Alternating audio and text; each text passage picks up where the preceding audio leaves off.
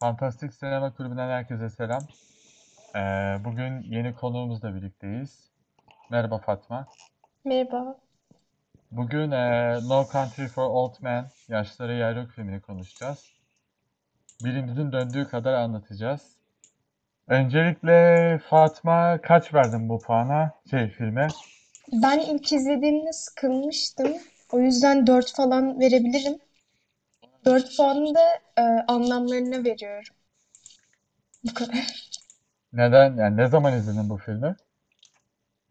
Bir iki ay önce falan izlemiştim Hmm. sanırım.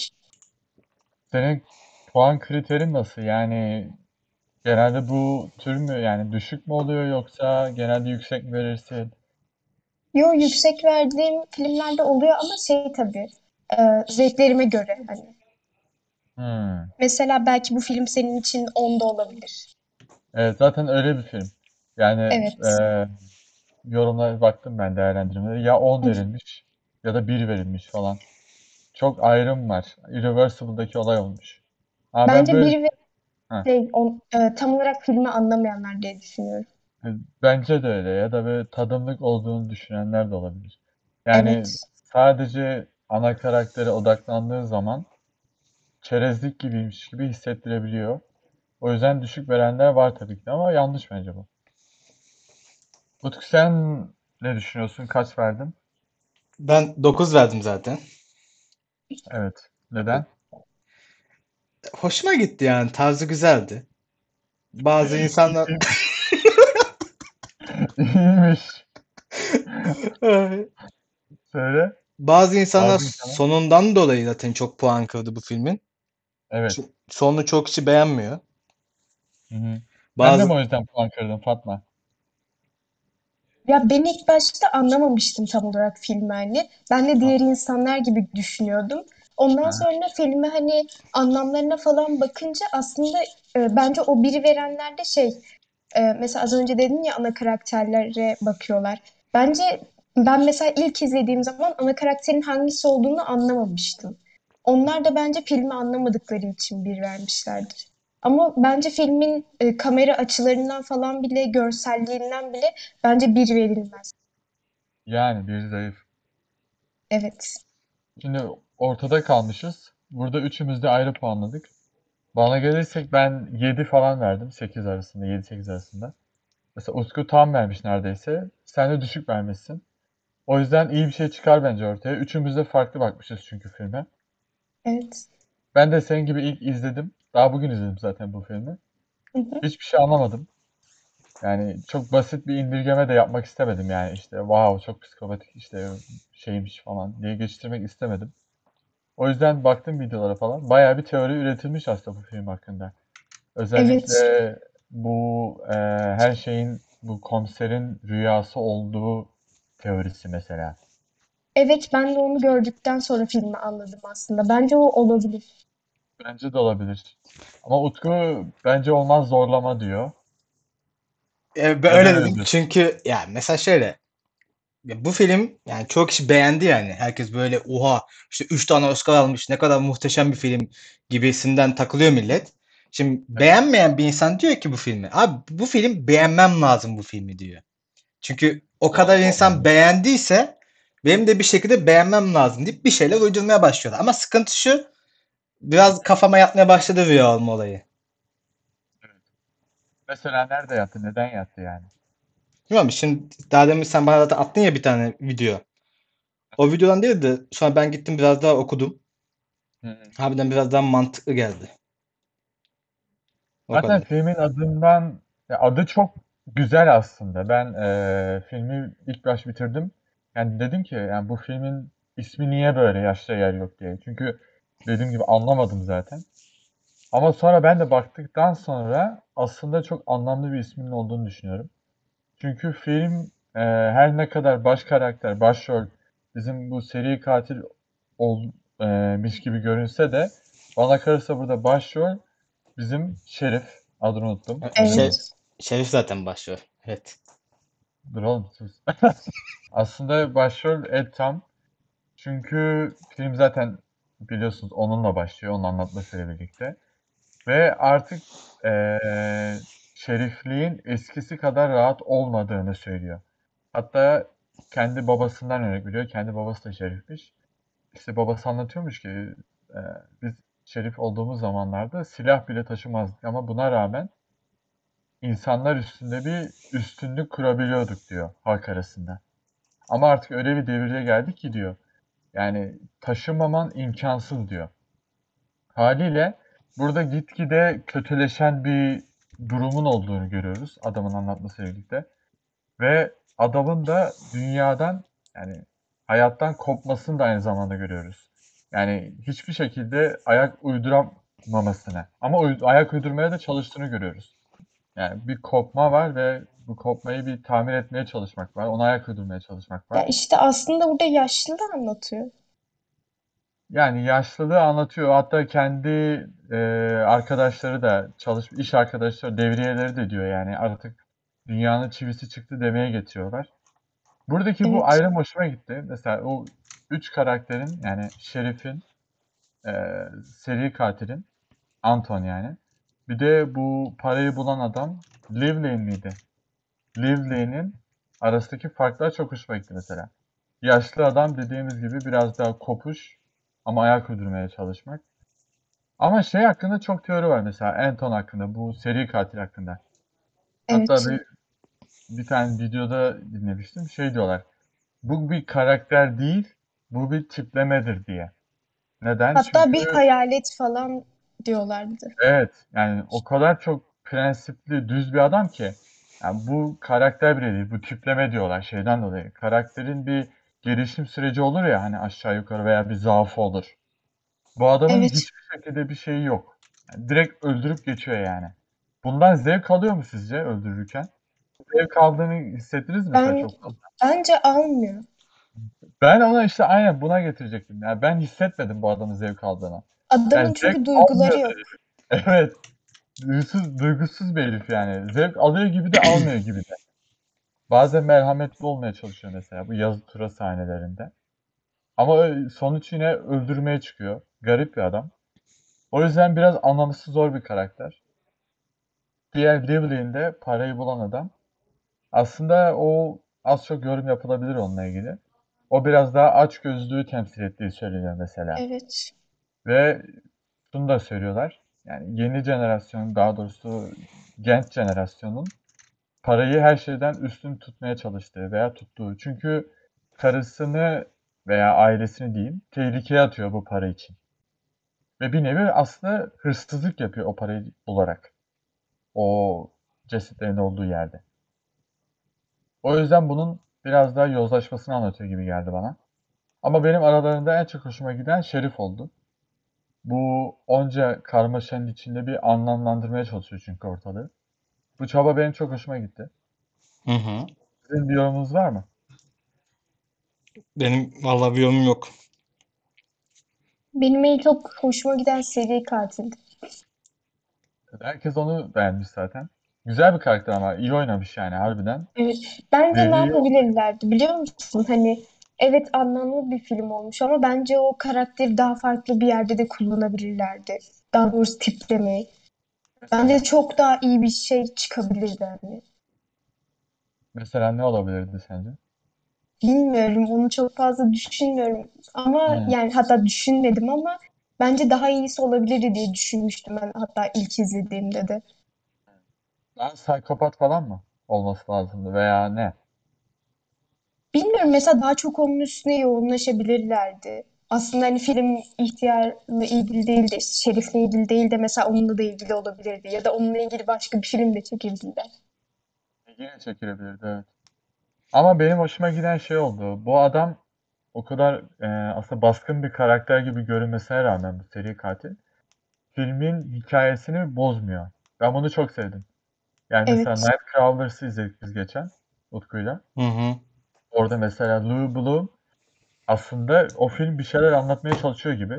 Nightcrawlers. İşte bu e, kapitalist sistem, cartçut falan. Biraz okumuştum orada. Ama bu Lou Bloom o kadar çok bastırıyordu ki kendisiyle birlikte. Filmin de üstüne çıkarak ne anlatmak istediğini gözden kaçırıyordum mesela. Böyle bir hata vardı bana kalırsa. Ama bu filmde o olmamış. O benim çok hoşuma gitti. Evet, dediğin doğru. Belki de daha iyi kullanılabilirdi ama karakterin dozajı ben dozajı bence çok güzel olmuş burada. Bunca baskınlığa rağmen yine de bir şeyler aramaya çalışabiliyorsun veya aa bak galiba bir şeyler anlatmaya çalışıyor diye düşünebiliyorsun. O son sahnedeki özellikle rüya sahnesinde şey rüya gözüne atıyor ya Şerif. Evet. Mesela o çok güzel bir sahne. Ben yine hiçbir şey anlamamıştım. Onu O zaten şey hani her şeyin rüya olduğunu resmen açıklıyor. Kanıtı gibi Evet. bir şey. Aynen. Ya ben de Utku gibi düşünmüştüm ilk başta. Zorlama bu acaba? Yani zorlama mı bu diye de.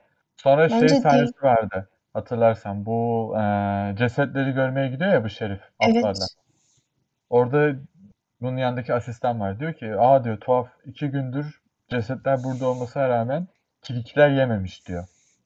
Evet Sonra işte. Şerif de diyor ki aynen Şerif de diyor ki ya görünüşe göre tilkiler Meksikalıları yemiyor diyor. Yani aslında gerçek dışı bir durum olduğunu görüyorsun orada. Yani normal şartlarda çölün ortasında bir cesedi çoktan yemiş olmaları lazımdı tilki veya vahşi hayvanların. Ama o bence en güçlü etmen bu adamın rüya gördüğüyle ilgili olan şeyde. Mesela ben hiç hissetmedim bunlar rüya olabileceği hakkında. Sonradan öğrenince çok şaşırdım.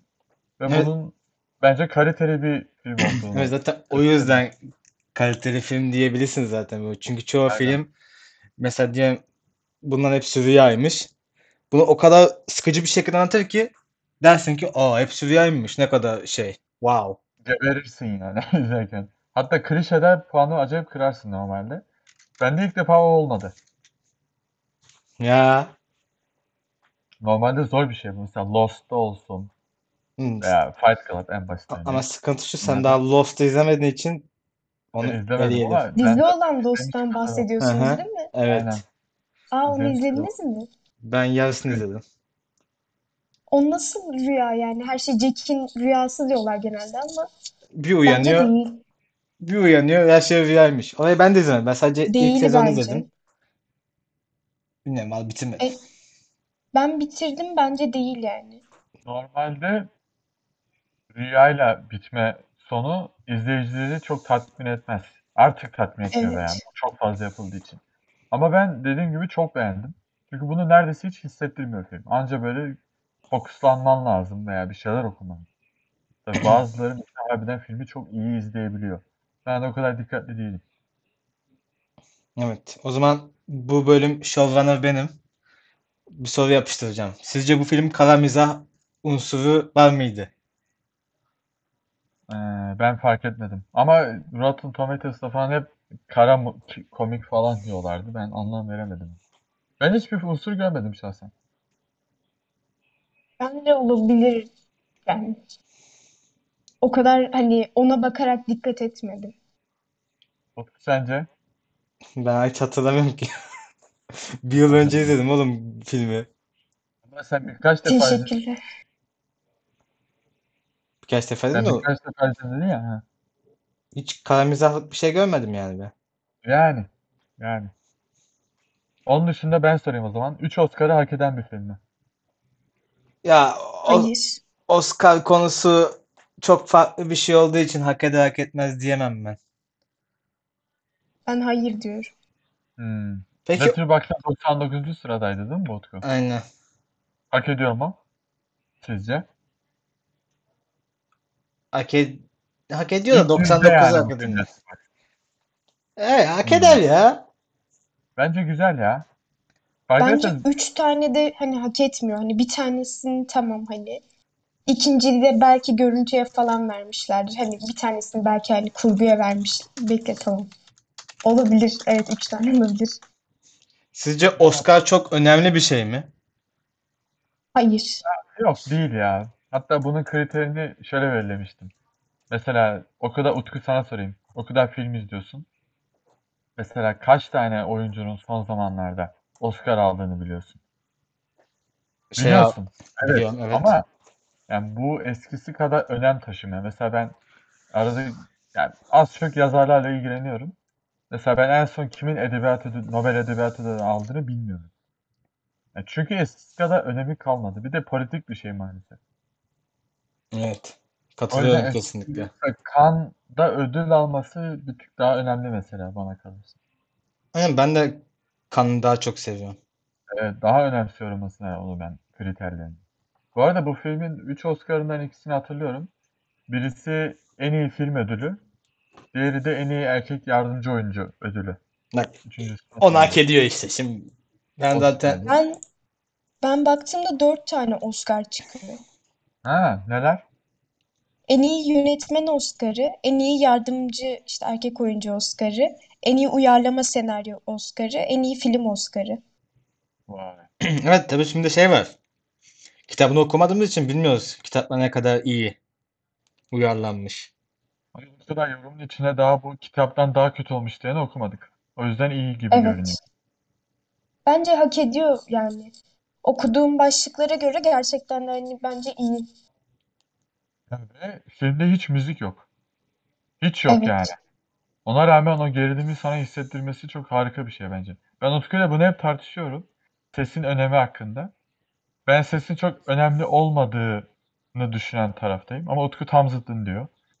Ben müzik şey- demiyorum, ses diyorum, ses. Yani ses, ses işte yani.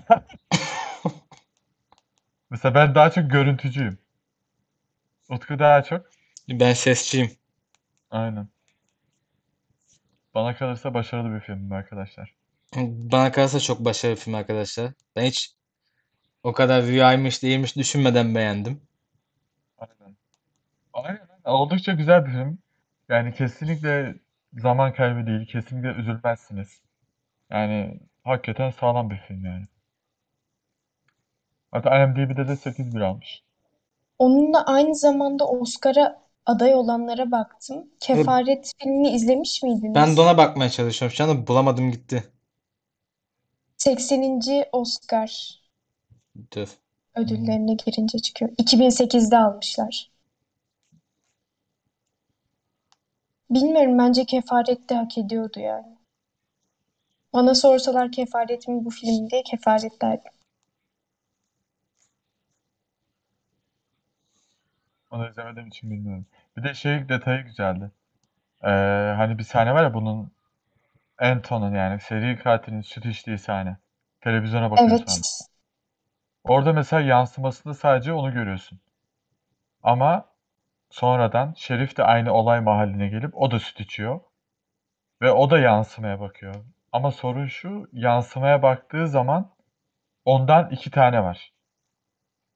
Burada Evet. şeyi demişler. Yani Anton'un, seri katilin oldukça prensip sahibi ve net bir karakter olduğunu ama Şerif'in de dediğimiz gibi arada kalan bir isim olduğu için yansımasının da iki tane net olmadığı bu yüzden söyleniyor. Benim çok hoşuma gitti bu. Bu da bir detay ama yine zorlama olabilir mi? Olabilir ama bence değil. Deniz bu şekilde fikirlerini belirtti arkadaşlar. So, başka bir yorum olan var mı? Yok ya. O Bu zaman bölüm, bu bölüm senin oldu Deniz. Acaba ne yapacağız? Ok atmaya çalışıyorum da ak- aklıma ok gelmiyor. İşte güzel filmlerin bu sı- yanı sıkıntılı. Yani sınırlı gidiyorsun. Kötü filmde sonsuza kadar gidebiliyorsun aşağı doğru. O Evet. yüzden bitireyim ben. Bitti bitti. 20 dakika olmuş. Aa, oha 20 dakika olmuş mu? Aha. Süper. Evet arkadaşlar, eee, bugünkü podcast'imizin sonuna geldik. Umarım eee, anlatabilmişizdir. Teşekkürler diliyor ve Görüşürüz. aynen. Görüşürüz.